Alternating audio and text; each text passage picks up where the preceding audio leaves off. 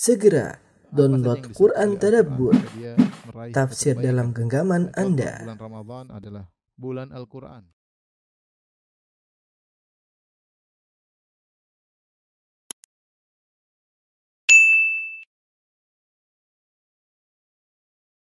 Bismillahirrahmanirrahim. Ya. Assalamualaikum warahmatullahi wabarakatuh.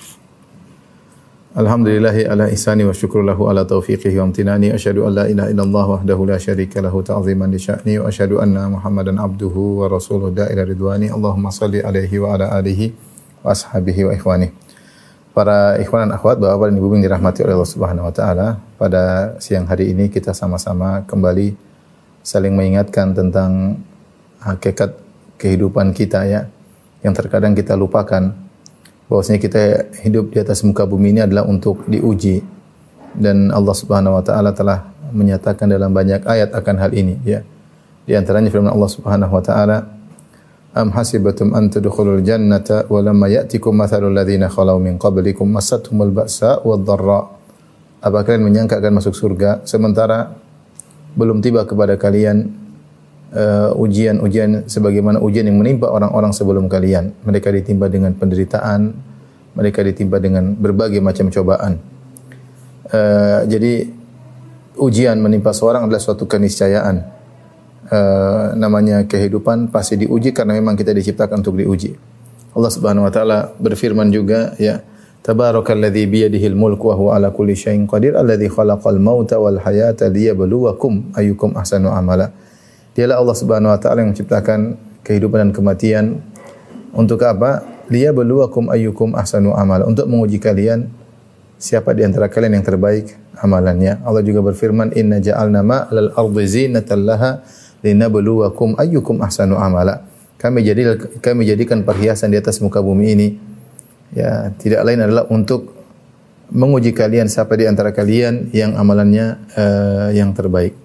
Allah juga menciptakan alam semesta adalah untuk sebagai kelengkapan dalam menguji kita. Allah berfirman wa huwa alladhi khalaqas samawati wal arda fi sittati ayyamin wa kana arsyu 'alal ma' liyabluwakum ayyukum ahsanu amala. Dialah Allah yang telah menciptakan langit dan bumi dalam waktu enam hari dan ketika itu arsnya di atas air untuk apa liyabluwakum. Jadi Allah menciptakan langit dan bumi dalam waktu enam hari liyabluwakum ayyukum ahsanu amala untuk menguji kalian apa yang mana di antara kalian amalan yang terbaik. Allah juga berfirman, Alif Lam Mim ahasiban nasu ayyutraku ayyaqulu amanna wa hum la yuftanun. Apakah manusia menyangka mereka dibiarkan untuk mengucap, mengucapkan kami telah beriman lantas mereka tidak diuji? Wala qad fatanna alladziina min qablihim fala ya'lamanna alladziina sadaqu fala ya'lamanna Allahu alladziina sadaqu wa la ya'lamanna al-kadzibin. Sungguh kami telah menguji orang-orang sebelum mereka agar Allah tahu mana di antara mereka imannya benar dan mana di antara mereka yang imannya uh, buruk ya, tidak benar. Jadi ayat-ayat yang tadi saya bacakan semua, Allah menciptakan kehidupan kematian, Allah menciptakan langit dan bumi, Allah menjadikan bumi ini, Allah menghiasi bumi ini.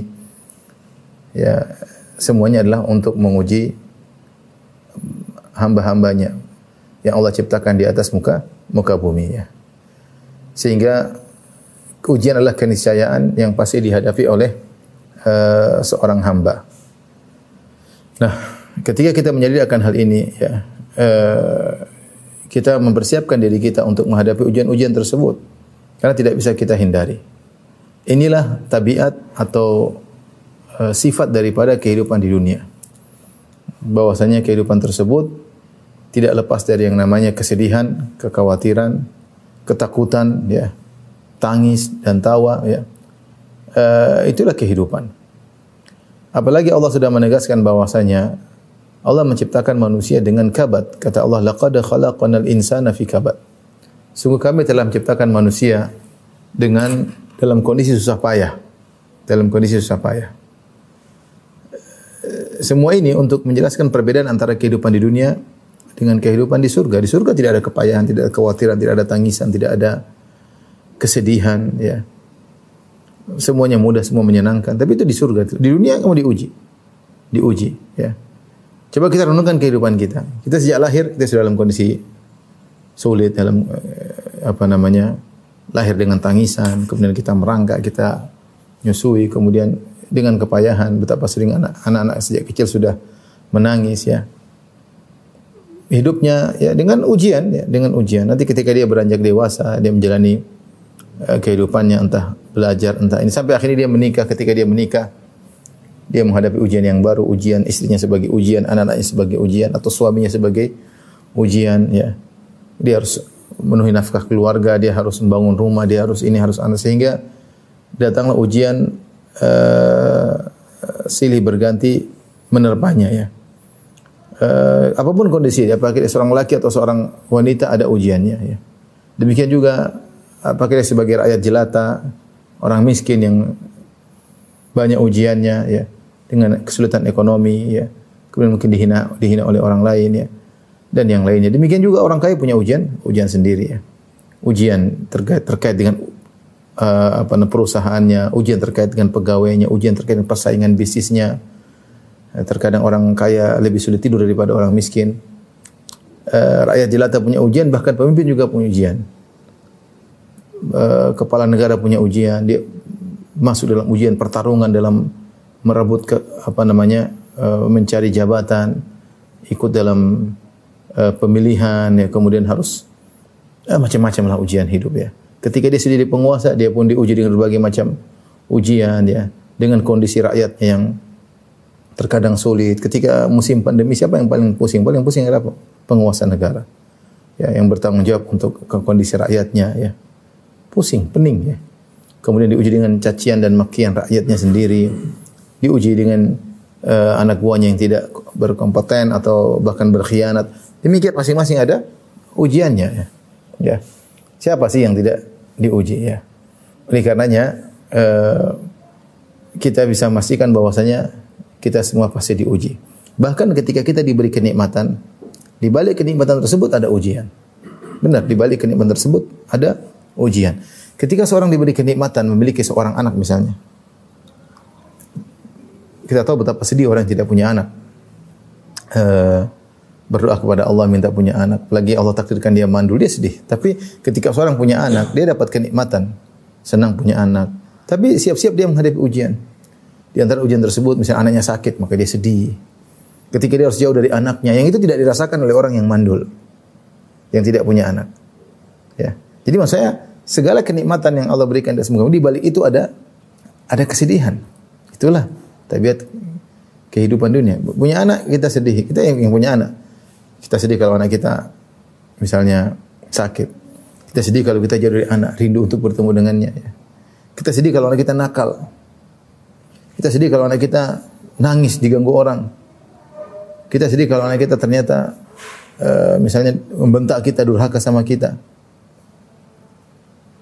Bahkan saya ketemu dengan sebagian orang yang mereka bersedih di masa tuanya karena jauh dari anak-anaknya tidak pernah telepon dia. Anak tidak mempedulikan dia, dia hidup bersendirian dalam ketuaannya. Dan ini siksaan tersendiri.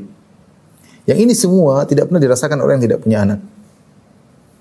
Coba kita bicara lagi nikmat berikutnya. Istri, ya taib, kita istri nikmat punya istri. Bermesraan, bercanda, ada teman perjalanan. Tapi ada kesedihan-kesedihan di balik itu. Ya mungkin bertengkar, sedih. Ya. Ya, atau banyak tuntutan, istri ingin beli ingin beli anu, sedih cari nafkah buat istri. Ya. Terkadang terkait dengan masalah keluarganya, terkadang terkait masalah keluarga kita. Terkadang orang tua kita tidak cocok sama istri kita, ya. Terkadang istri kita tidak cocok sama orang tua kita, terkadang istri kita tidak cocok dengan kakak-kakak kita, terkadang kita tidak cocok dengan ipar-ipar kita. ini seandainya orang tidak punya istri nggak ada muncul ini semua. Jadi di balik kenikmatan pasti ada ujian-ujian kita dapatkan. Kalau kita selalu terlalu sayang sama istri, kita berjauhan, kita rindu, kita sedih jauh dari istri. Ya. Ketika istri sakit kita menangis. Terlebih baik kalau istri meninggal. Ujian sangat berat. Makanya di ujian berat yang dirasakan oleh Nabi SAW adalah istrinya meninggal. Khadijah radhiyallahu taala anha. Ya. Bahkan semakin seorang mencintai orang lain, semakin tinggi kebahagiaan yang dirasakan, maka perpisahan semakin pahit. Subhanallah, berbanding lurus. Inilah tabiat kehidupan dunia. Jika antum cinta benar, cinta banget sama istri antum, nanti saatnya ketika berpisah, pedihnya juga sangat amat. Jika kita mencinta sangat sayang kepada orang tua kita, begitu kita berpisah kita merasakan kesedihan yang luar biasa. Semakin kita sayang, semakin berat perpisahan. Jadi boleh saya simpulkan tidak ada kenikmatan yang kita rasakan di dunia kecuali eh, di balik itu ada kesedihan yang menanti. Ya. Ya, makanya bisa jadi seorang bersedih karena tidak punya anak. Sementara di sisi lain ada orang yang bersedih karena punya anak. anaknya begini, anaknya begitu. Ini ini model lain lagi. Ternyata anaknya durhaka, anaknya bandel, anaknya suka nyuri uangnya, anaknya bikin malu keluarga. Ada sisi lain seorang wanita sedih karena tidak ada yang melamarnya. Dia dalam kondisi gadis tua, perawan tua. Namun sisi lain ada seorang wanita setiap hari mengeluh menangis suaminya yang kurang ajar, suaminya yang KDRT, suaminya yang berselingkuh, suaminya yang ini, suaminya yang itu, dan itu banyak kita dengar. Yang tidak punya suami bersedih, diuji, yang punya suami juga di, diuji. Dan demikianlah kehidupan ya. Demikianlah kehidupan. Seorang yang miskin mungkin bersedih, dia mau beli apa-apa tidak bisa, dia pengen sedih, dia susah. Tapi apakah orang kaya tidak diuji? Diuji juga tadi. Diuji. Waktunya habis mikirin harta terus proyek sana, proyek sini, buka usaha ini, buka sini, subhanallah. Si miskin yang mungkin pas-pasan, ternyata dia punya waktu banyak untuk bersama istrinya. Dia punya waktu banyak untuk ketawa dengan anak-anaknya. Dia punya waktu banyak untuk menangis di masjid, minta kepada Allah. Si kaya sibuk. Perusahaan ini, perusahaan anu, buka cabang, buka cabang, ini urusan dengan bank, utang, utang piutang, urusan dengan gaji pegawai, THR. Mungkin dia tidur sedikit. Jadi Itulah tabiat kehidupan. Karenanya, ikhwan dan akhwat yang rahmati Allah Subhanahu wa taala, jangan pernah mimpi bahwasanya kita hidup tanpa ujian. Presiden punya ujian tersendiri, menteri punya ujian tersendiri, antum bisa lihatlah, polisi punya ujian tersendiri. Ya, rakyat jelata punya ujian tersendiri, ustadz punya ujian tersendiri, audiens punya ujian tersendiri, direktur punya ujian tersendiri, anak buah punya ujian tersendiri, masing-masing punya ujian tersendiri. Mustahil ada orang hidup tanpa tanpa ujian. Sampai saya kadang bercanda, saya bilang, antum kira kalau jadi orang kaya tidak pernah mencret? Antum orang miskin mencret, orang kaya juga mencret. antum kira orang orang kaya nggak pernah demam? Antum orang miskin demam, orang kaya juga pernah demam. Bahkan terkadang penyakit orang kaya lebih ngeri-ngeri. Antum kira orang kaya kalau jadi raja, jadi presiden tidak pernah nangis. Mungkin nangisnya banyak, mungkin nahan-nahan nangis. Antum malah miskin nangis bebas-bebas yang nggak ada masalah.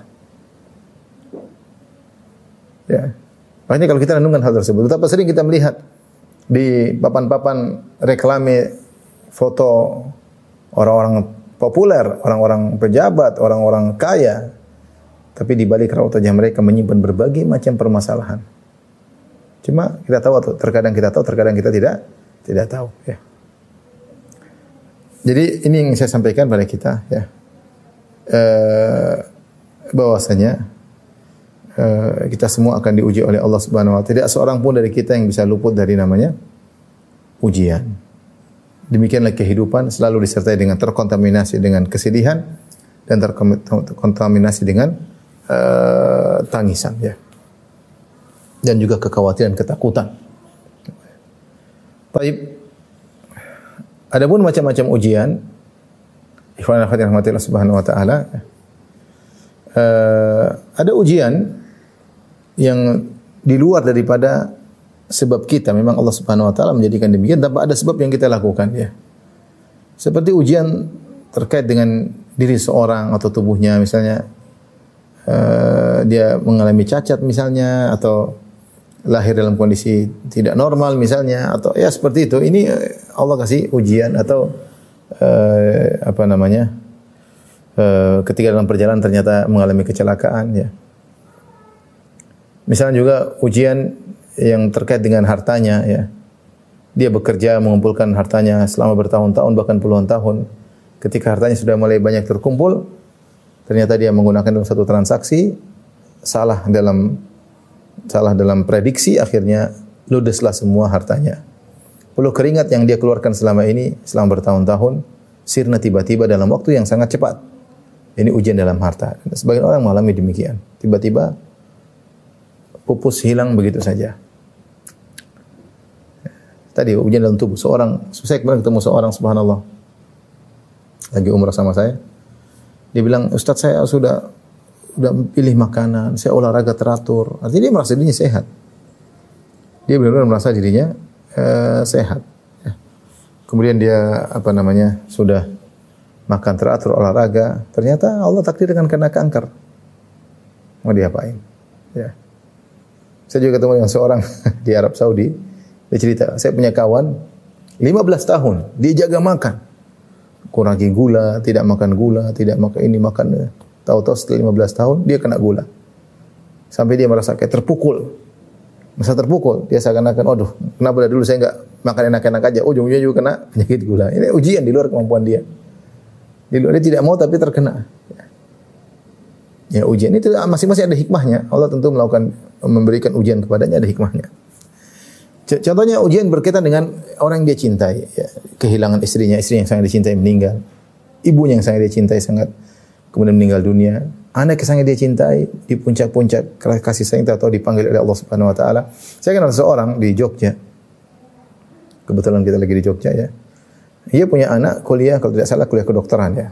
Anak semata wayang. Kemudian ketika sukses wisuda meninggal saat wisuda, subhanallah. Artinya dia anak yang dia harapkan tiba-tiba di penghujung justru meninggal ya.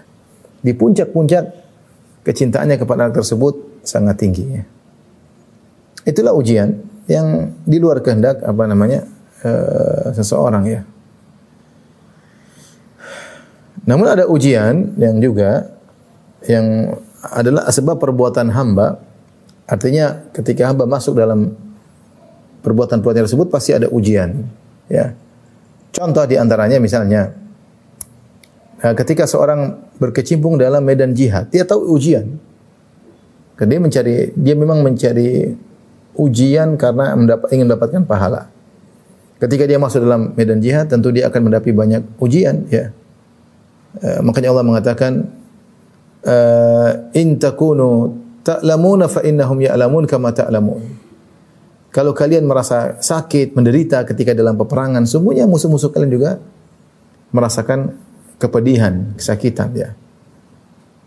Wa tarjuna min Allahi ma la yarjun. Tapi bedanya kalian berharap pahala dari Allah, mereka tidak. Jadi Allah gambarkan namanya jihad pasti ada ujian-ujian berjalan jalan jarak yang jauh.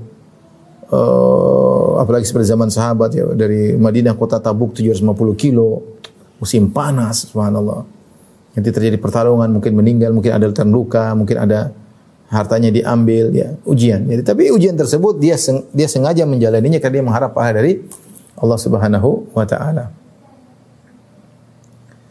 Uh, sampai Allah mengatakan dzalika bi annahum la yusibuhum dhama'un wala nasabun wala makhmasatun fi sabilillah wala yata'una mauti an yaghidhul kuffar wala yanaluna min aduwwin nailan illa kutiba lahum bi amalun salih Allah sebut dalam surat At-Taubah tentang ujian-ujian dihadapi oleh orang yang sedang berjihad.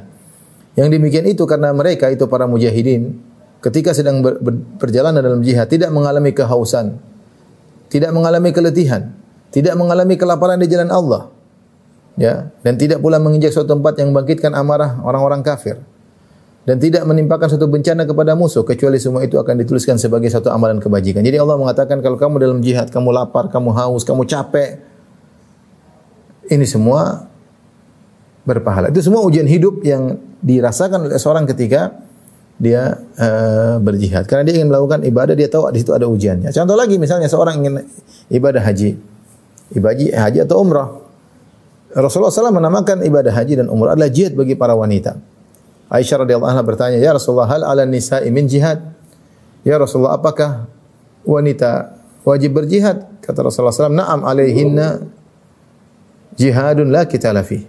Kata Nabi wasallam wajib bagi wanita jihad tanpa peperangan, al haji wal umrah. Haji dan dan umrah. Makanya ketika Aisyah merasa kesulitan dalam berhaji, Rasulullah SAW berkata, Ajruki ala qadri nasabik. Sungguhnya pahalamu sesuai dengan berdasarkan keletihanmu yang kau rasakan. Karena berjihad, ber, ber, ber, ber, berhaji, keletihan, ada kemacetan, kemudian kepadatan, panas tadi apalagi tahun-tahun terakhir ini haji dalam kondisi musim panas. Terkadang harus jalan jauh untuk melempar jamarat sebagian jemaah sampai jalan sekali jalan sampai entah berapa 7 kilo, 8 kilo. Bayangkan bolak-balik sudah 16 kilo sekali lempar jamarat. Tiga hari dilakukan demikian ya. Sebagian jemaah berhaji tanpa memiliki tenda sehingga berjalan dari satu tempat ke tempat yang lainnya. Tapi dia memang tahu itu ujian, makanya dia menyiapkan dirinya menghadapi ujian tersebut. Ya. Ini ujian yang memang dia sengaja untuk menghadapinya. Kalau yang model pertama tadi hamba tidak mau tapi dia tidak bisa dihindari ya.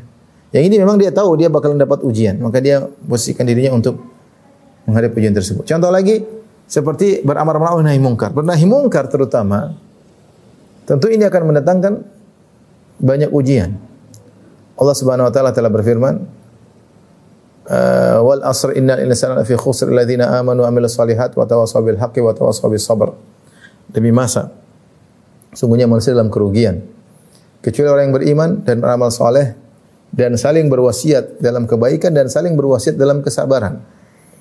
Allah menjelaskan kalau manusia sudah saling berwasiat dalam kebaikan itu menyeru kepada ma'ruf, mencegah kemungkaran, pasti akan diuji makanya wa tawassaw bis sabr. Makanya harus saling menasihati dalam kesabaran. Luqman ketika menasihati putranya beliau berkata Luqman Al-Hakim, "Wa'mur bil ma'rufi wanha 'anil munkar wasbir 'ala ma asabak."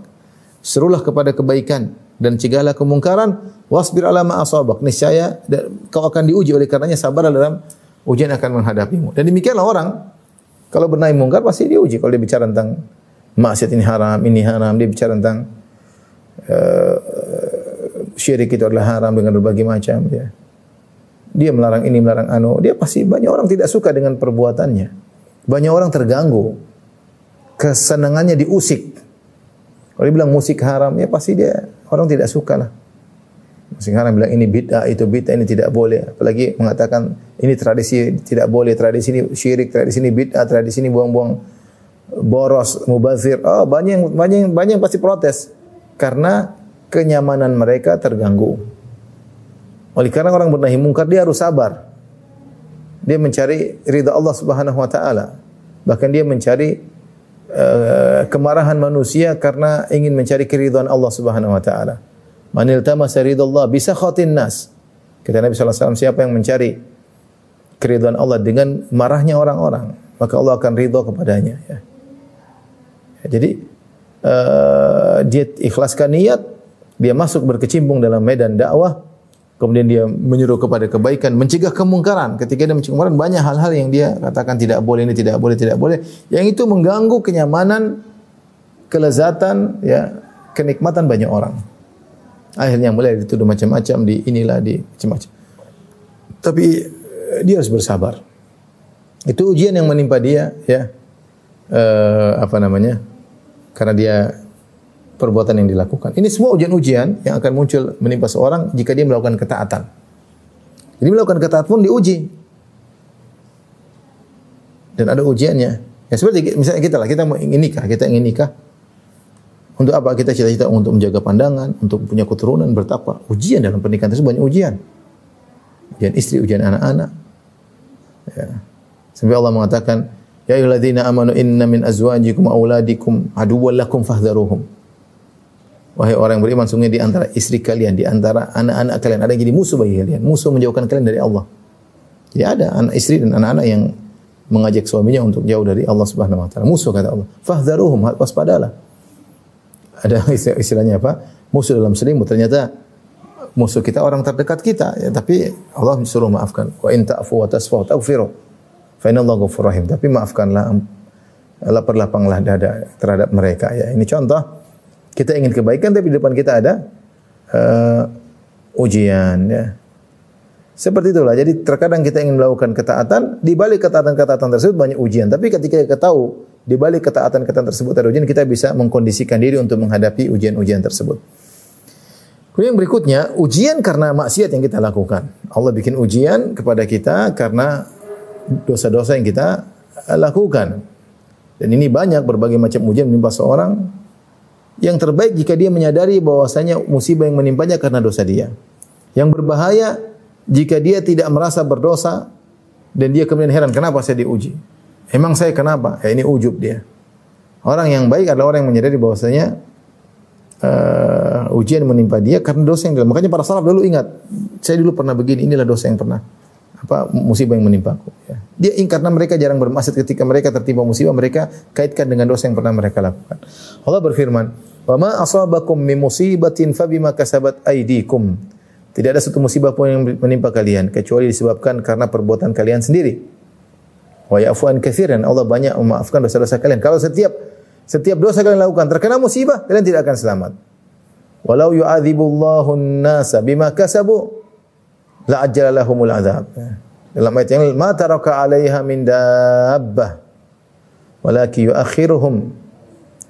Kata Allah jika Allah mengadab manusia akibat dosa mereka maka Allah akan segerakan hukuman kepada mereka. Dalam yang lain kalau Allah meng- mengadab setiap dosa yang dilakukan oleh orang maka tidak ada pun tersisa di muka bumi ini.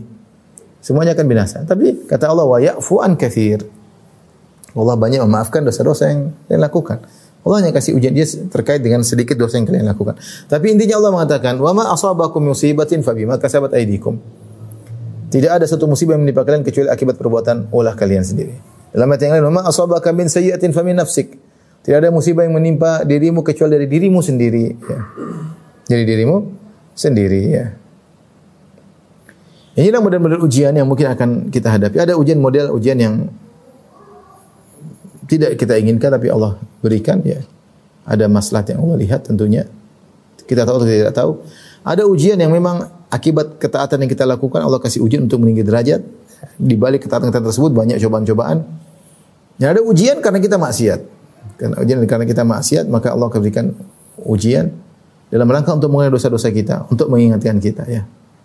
Eh, makanya kata Rasulullah SAW, "Ma muslimin min nasabin wala wasabin wala hammin wala hazanin uh, wala adan hatta syauka yushakuha illa kafarallahu biha min khatayahu."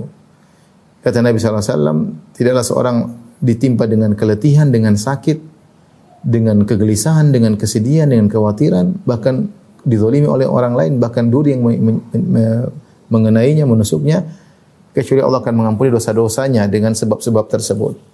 Ya.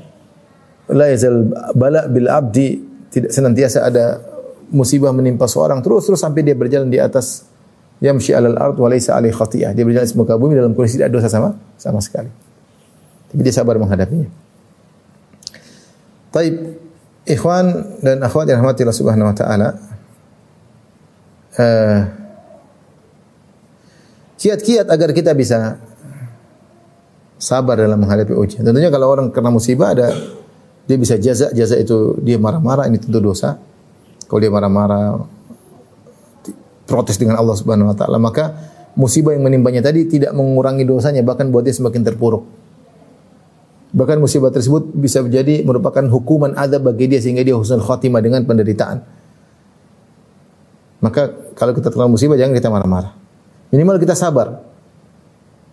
Sabar kita terima ini pasti ada. Atau kalau kita lebih hebat lagi kita bersyukur dengan merenungkan bahwasanya apa yang saya timpa, ditimpa ditimpa oleh saya ini tentunya ada hikmah-hikmah.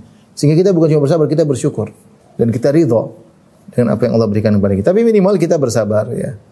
Tapi bagaimana kiat-kiat agar kita bersabar? Di antaranya ikhwan dan akhwat yang Subhanahu wa taala eh, melihat yang lebih susah daripada kita. Ini akan meringankan beban kita.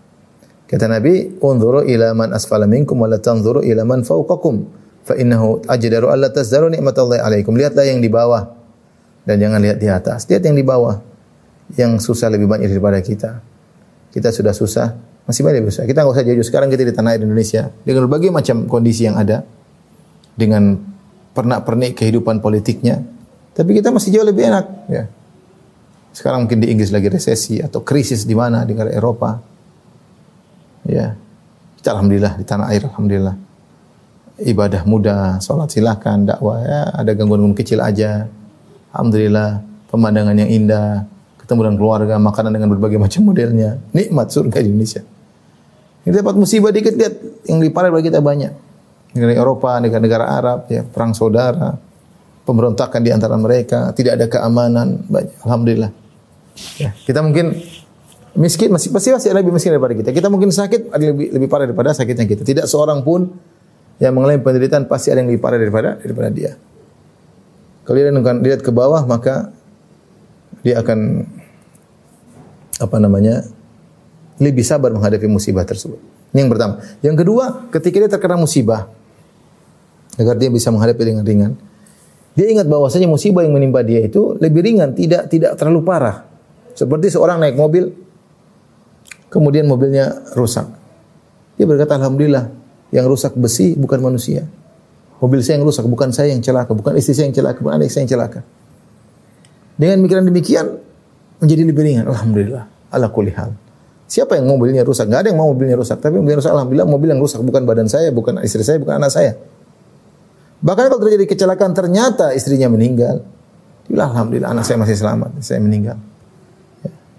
Seperti itu. Jadi selalu dia lihat bahwasanya ada musibah lebih parah yang tidak mengenai dia terkena sebagian musibah dan ada lebih parah yang Allah selamatkan dari dari dia. Ini membuat dia ringan ya. Kemudian bisa jadi renungkan juga bahwasanya musibah yang menimpa dia ini ternyata Allah ingin menghindarkan dia dari musibah yang lebih besar. Allah ingin menghindarkan dia dengan musibah yang lebih lebih besar. Ya. Dan banyak kita dengar cerita seperti ini. Ya. Seperti misalnya saya punya kawan cerita dia ketinggalan pesawat. Ketinggalan pesawat ternyata teman di universitas. Ketika tinggal, pesawat ternyata dia sampai di bandara pesawat terbang. Ternyata pesawat tersebut meledak. Alhamdulillah Allah membuat dia ketinggalan pesawat. Ketinggalan pesawat musibah, uang hilang tapi ada yang lebih besar yang selamat darinya, nyawanya selamat. Demikian juga ada seorang dia ngantar temannya ke bandara. Ngantar temannya ke bandara. Terus uh, ternyata pesawat delay. Akhirnya dia pun ikut temani temannya, nggak enak dia tinggalkan sampai temannya berangkat. Baru dia balik. Ketika dia balik rumahnya dirampok. Subhanallah. Allah takdirkan dia untuk tertinggal seandainya dia ada di rumah mungkin dia juga dibunuh oleh perampok. Perampok eh, bunuh dia baru ngambil hartanya. Allah Allah selamatkan dirinya dengan cara Allah Subhanahu wa taala. Namun banyak orang tidak sadar bahwasanya di balik musibah itu ada musibah lebih besar yang Allah selamatkan. Saya juga pernah dengar cerita ada seorang teman cerita. Ada seorang ikhwan menikah sama seorang akhwat, laki-laki menikah sama perempuan. Ya. E, ternyata tidak jadi. Perempuan ini uh, akhirnya padahal mungkin sudah saling mencintai, tahu-tahu perempuan tersebut tidak jadi menikah. Ternyata laki-laki tersebut berpenyakit. Kalau tidak salah kehilangan ingatan atau memukul orang atau alhamdulillah musibah tapi untuk dihindari dari dari musibah yang lebih lebih besar. Oleh karenanya eh, seorang menunjukkan hal ini bahwasanya musibah yang menimpanya ini lebih ringan daripada kalau lebih besar menimpanya dia akan merasa musibah ini lebih ringan. Alhamdulillah yang kena mobil bukan nyawa. Alhamdulillah. Contohnya demikian. Alhamdulillah rugi sebagian tidak rugi semuanya. Alhamdulillah. Jadi dia mandang seperti itu. Dengan dia mandang bahwasanya musibah yang dia di, menimpanya masih lebih ringan daripada lebih besar, yang lainnya maka dia akan lebih mudah ya. Ketika corona misalnya sebagian keluarganya alhamdulillah cuma sebagian tidak semuanya meninggal. Alhamdulillah ya Allah punya kehendak. Coba kalau semuanya meninggal, cuma kalau semua anaknya semua meninggal, sebagian anaknya saja yang meninggal, tidak semuanya. Dengan cara begini musibah yang dia rasakan akan menjadi lebih uh, lebih ringan. Kemudian di antara hal yang membantu dia untuk sabar dalam menghadapi ujian, ketika dia merenungkan bahwasanya di balik ganjaran tersebut pahalanya besar. Kalau dia bersabar, pahalanya besar. Makanya Nabi SAW pernah bersabda, "Wa ma utiya ahadun khairan awsa wa ma utiya ahadun ata'an khairan awsa min sabr. Tidaklah seorang diberi pemberian anugerah dari Allah yang lebih luas dan lebih baik daripada kesabaran. Ya, kesabaran. Eh, saya kasih logika begini. Uh, ibadah sabar pahalanya besar. Makanya Allah ingin tatkala seorang ingin Allah ingin hambanya menjalani ibadah ini, maka Allah kasih ujian supaya dia bisa bersabar. Karena kalau dia tidak dikasih ujian, dia tidak bisa menjalani ibadah sabar. Selama ini mungkin dia sudah menjalani ibadah syukur. Nah, dia belum menjalani ibadah sabar. Bagaimana cara supaya dia bisa menjalani ibadah sabar? Allah kasih dia ujian. Seperti saya katakan bahwasanya ibadah memaafkan pahalanya besar. Dalam Al-Quran Allah sebutkan, wal afina nas. Di antara ciri-ciri penghuni surga adalah maafkan orang yang berbuat salah kepada. Nah, bagaimana kita bisa menjalankan ibadah maafkan? Caranya Allah mentakdirkan orang lain mendolimi kita. Kalau baru kita maafkan orang yang mendolimi tersebut. Kalau seandainya tidak ada yang menzalimi kita, maka kita tidak bisa menjalankan ibadah memaafkan. Ya kita husnuzan sama Allah. Allah ingin kita menjalani kehidupan sabar. Allah ingin menjalani kita ibadah sabar, maka Allah kasih kita ujian. Terkadang ujian tersebut tidak berhenti-berhenti. Karena Allah ingin pahala kita terus-menerus. Tidak henti-henti. Di antara sosok manusia yang tidak pernah berhenti ujiannya Nabi Muhammad SAW. Dari kecil sampai meninggal ujian melulu. Ujian melulu tidak henti-hentinya. Karena bersabar dengan ujian pahalanya sangat besar. Maka ketika kita dikasih ujian kita yakin Allah ingin sedang ingin berikan kita pahala yang yang besar. Maka jalani ujian tersebut dengan penuh kesabaran. Dalam satu hadis Rasulullah SAW bersabda, "Innal abda idza sabaqat lahu min minallahi manzilah, lam yablugha bi amalihi ibtalahu Allah bi jasadi aw fi mali aw fi waladihi." Seorang hamba jika telah tercatat kedudukan yang tinggi di surga, ternyata amal yang dia lakukan, ketaatan yang dilakukan tidak bisa mendongkraknya sampai pada tingkatan tertentu. Maka akhirnya Allah punya cara lain. Allah uji dia terkait dengan jasadnya, terkait dengan hartanya, terkait anak dengan anaknya. Kemudian Allah bikin dia menjadi sabar. Ya. Jadi Allah ingin mengangkat derajat dengan cara yang cepat adalah dengan menjadikan dia diuji, kemudian dia bersabar sehingga akhirnya derajatnya uh, cepat naik. Jadi sabar itu membuat orang cepat derajatnya cepat sekali, sabar. Ya. Mengalahkan banyak ketaatan. Oleh karenanya para nabi semuanya diuji diuji sehingga dan mereka semua sabar ya. Tapi di antara hal yang membuat kita uh, mudah untuk menghadapi ujian kita merenungkan hikmah musibah. Apa sih hikmah-hikmah musibah? Saya bacakan hikmah musibah di antaranya. Pertama, dengan terkena musibah kita tahu diri kita lemah. Ibnu Qayyim pernah berkata dalam salah satu kitabnya, seandainya seorang tidak pernah terkena musibah, dia akan terkena penyakit Fir'aun, sombong, angkuh. Tapi ketika seorang mulai sombong, mulai angkuh dengan jabatannya, dengan kepandaiannya, Allah kasih musibah. Sehingga dia tahu diri, oh ternyata saya lemah ada titik lemah saya tidak bisa melampauinya. Kalau tidak dikasih teguran, coba bayangkan kalau orang sehat terus. Kalau orang sehat terus dia lama-lama sombong, sehat melulu. Maksudnya nggak pernah sakit aku. Seorang coba bayangkan seorang berdagang nggak pernah berdagang selalu untung nggak pernah rugi. Bagaimana? Dia pasti ongko, angku dan sombong. Dia merasa oh karena saya hebat, karena saya pandai. Dia lupa semua dari Allah Subhanahu Wa Taala. Nah untuk menghilangkan kesombongan dan untuk agar seorang sadar dia adalah manusia yang kelemahan, Allah kasih musibah itu hikmahnya di antaranya. Kemudian di antara hikmah dari musibah agar kita tahu kadar nikmat Allah. Betapa sering seorang tidak menyadari kadar nikmat Allah kecuali nikmat tersebut dicabut. Baru dia sadar ternyata luar biasa nikmat yang saya rasakan. Ya. Kita rasakan bagaimana nikmat sebelum pandemi, kemudian dicabut oleh Allah tatkala pandemi. Sekarang kembali lagi ya. Kita nggak tahu dulu ternyata umroh itu nikmat luar biasa. Ketika pandemi kita nggak bisa umroh, nggak bisa haji, kita baru tahu bahwasanya itu nikmat luar luar biasa. Ya, kita tahu nikmat bersilaturahmi ketika pandemi susah. Intinya kita tahu nikmat sehat ternyata sehat itu luar biasa. Jadi ketika nikmat kita diambil kita sadar tentang nikmat Allah. Kita tahu kita baru ngeh, baru sadar ketika kita di uji. Makanya dikatakan kesehatan adalah taj, kesehatan adalah mahkota yang dipakai seorang namun tidak ada yang bisa melihat mahkota tersebut kecuali orang yang sakit. Sehat itu nikmat luar biasa, bahkan dia mahkota. Namun tidak ada yang melihatnya sebagai mahkota kecuali orang yang sakit. Orang yang sakit baru sadar bahwasanya kesehatan itu nikmat yang luar biasa. Kapan dia tahu nikmat tersebut? Kadar nikmat itu ketika dia terkena ujian. Uh, uh, musibah di antara hikmahnya teguran. Seorang ditegur ya Allah, iya benar. Dia sadar saya ditegur oleh Allah. Kalau dia melakukan kesalahan tidak ditegur, dia akan bablas. Tapi ketika melakukan kesalahan pada titik tertentu Allah tegur ya Allah. Ya. Saya punya kawan ngobrol sama saya, dia juara juara judi. Jadi main judi menang terus sampai juara sampai dia bawa uang satu tas isinya uang judi semua. Dia berlibur ke Eropa. Tiba-tiba ada yang curi uangnya. Kata dia, Alhamdulillah sejak itu saya tidak pernah main judi lagi. Sadar dia sejak itu. Kalau enggak dia akan bablas terus. Kasih teguran. Di antara hikmah Allah kasih turun dengan musibah. Yang orang sadar. Jangan kau lanjutkan lagi. Sudah cukup. Sudah cukup. Dengan terkena musibah kita tadi kita tidak ujub, tidak sombong, tidak ujub sehingga kita menyadari bahwasanya diri kita banyak kesalahan kekurangan.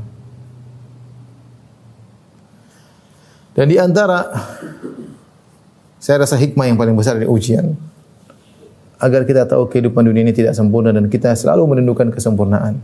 Agar kita tidak tentram dengan dunia, artinya kita tidak bersandar kepada dunia. Sehingga ketika kita ada kehidupan yang lain, kita siap untuk menuju pada kehidupan berikutnya. Coba kalau kita nggak pernah diuji, nyaman terus enak terus mana mau kita tinggalkan dunia ini. Pikiran kita dunia melulu karena kita nggak pernah merasa nyaman benar. Tapi kalau kita tahu kenikmatan yang kita rasakan terkontaminasi dengan kesedihan, kekhawatiran, keletihan, dengan sakit, caci maki dan macam-macam kita tahu kehidupan ini cuma sementara. Sehingga kita tidak ridho dengan kehidupan dunia dan kita ingin berpindah pada kehidupan berikutnya yang sempurna itu kehidupan uh, surga. Kenapa orang kafir tidak mau adanya hari kiamat? Karena mereka ridho dengan kehidupan dunia. Wa qala alladziina la yarjuna liqa'ana wa radu bil hayatid dunya wa tma'annu biha. Dan berkatalah orang-orang yang tidak berharap bertemu dengan maksudnya orang kafir. Wa radu bil hayatid dunya, mereka ridho dengan kehidupan dunia. Wa tma'un wa tma'annu biha dan mereka tentram dengan kehidupan dunia. Mereka enggak mau ada kehidupan akhirat. Mereka merasa puas di dunia. Ketika kita dikasih musibah, dikasih musibah untuk mengingatkan diri kita bahwasanya ada kehidupan lain yang tidak seperti ini. Di antara hal yang membantu kita untuk sabar tatkala terkena musibah, kita langsung mengucapkan kata-kata yang menunjukkan kita mengembalikan perkara kepada Allah. Contohnya kita berkata innalillahi wa inna ilaihi raji'un. Kita ini milik Allah dan semuanya milik Allah. Dan kita akan kembali kepada Allah. Anak kita milik Allah. Kalau Allah ambil, Allah silakan ambil. Istri kita milik Allah, ibu kita milik Allah. Kalau Allah ingin ambil, maka dia ambil. Harta kita milik Allah. Kalau Allah ingin ambil, Allah ambil. Kita mengatakan innalillahi wa inna raji'un. Dan kita berkata alhamdulillah ala kulli hal. Segala puji bagi Allah atas segala kondisi dengan merenungkan berbagai macam hikmah di balik ini semua. Ya. Atau berkata Allah ma'jurni fi musibati hadha. Ya Allah, berikanlah aku ganjaran akibat musibahku ini. Wa khuluf li khairan minha dan digantikanlah lebih baik daripada yang kau ambil ya Allah. Kita berdoa kepada Allah Subhanahu wa taala sehingga uh, kita lebih mudah untuk uh, bersabar ketika menghadapi ujian ya. Ikhwan dan akhwat yang rahmati Allah Subhanahu wa taala inilah hal-hal uh, yang bisa kita sampaikan terkait dengan ujian. Kita sadar bahwasanya apa pun yang menimpa kita semua sudah ditakdirkan. Ini membantu kita untuk tegar. Kata Nabi wasallam, "Ma asabaka lam yakun liyukhti'ak, wa ma akhta'aka lam yakun liyusibak." Apa pun yang sudah Allah takdirkan akan menimpamu, kau tidak akan bisa lari darinya. Dan apa pun yang Allah takdirkan akan meleset darimu tidak akan mengenaimu. Ketika kita sudah berusaha terkena musibah, ya sudah qadar Allah. Mau diapain? Ini sudah tercatat 50 ribu tahun sebelum menciptakan langit dan bumi. Enggak mungkin kita bisa menghindar. Dengan demikian kita lebih bersabar. Demikianlah eh, Bapak dan Ibu rahmatillah subhanahu wa ta'ala sedikit yang saya sampaikan. Demikian wabillahi taufiq Assalamualaikum warahmatullahi wabarakatuh.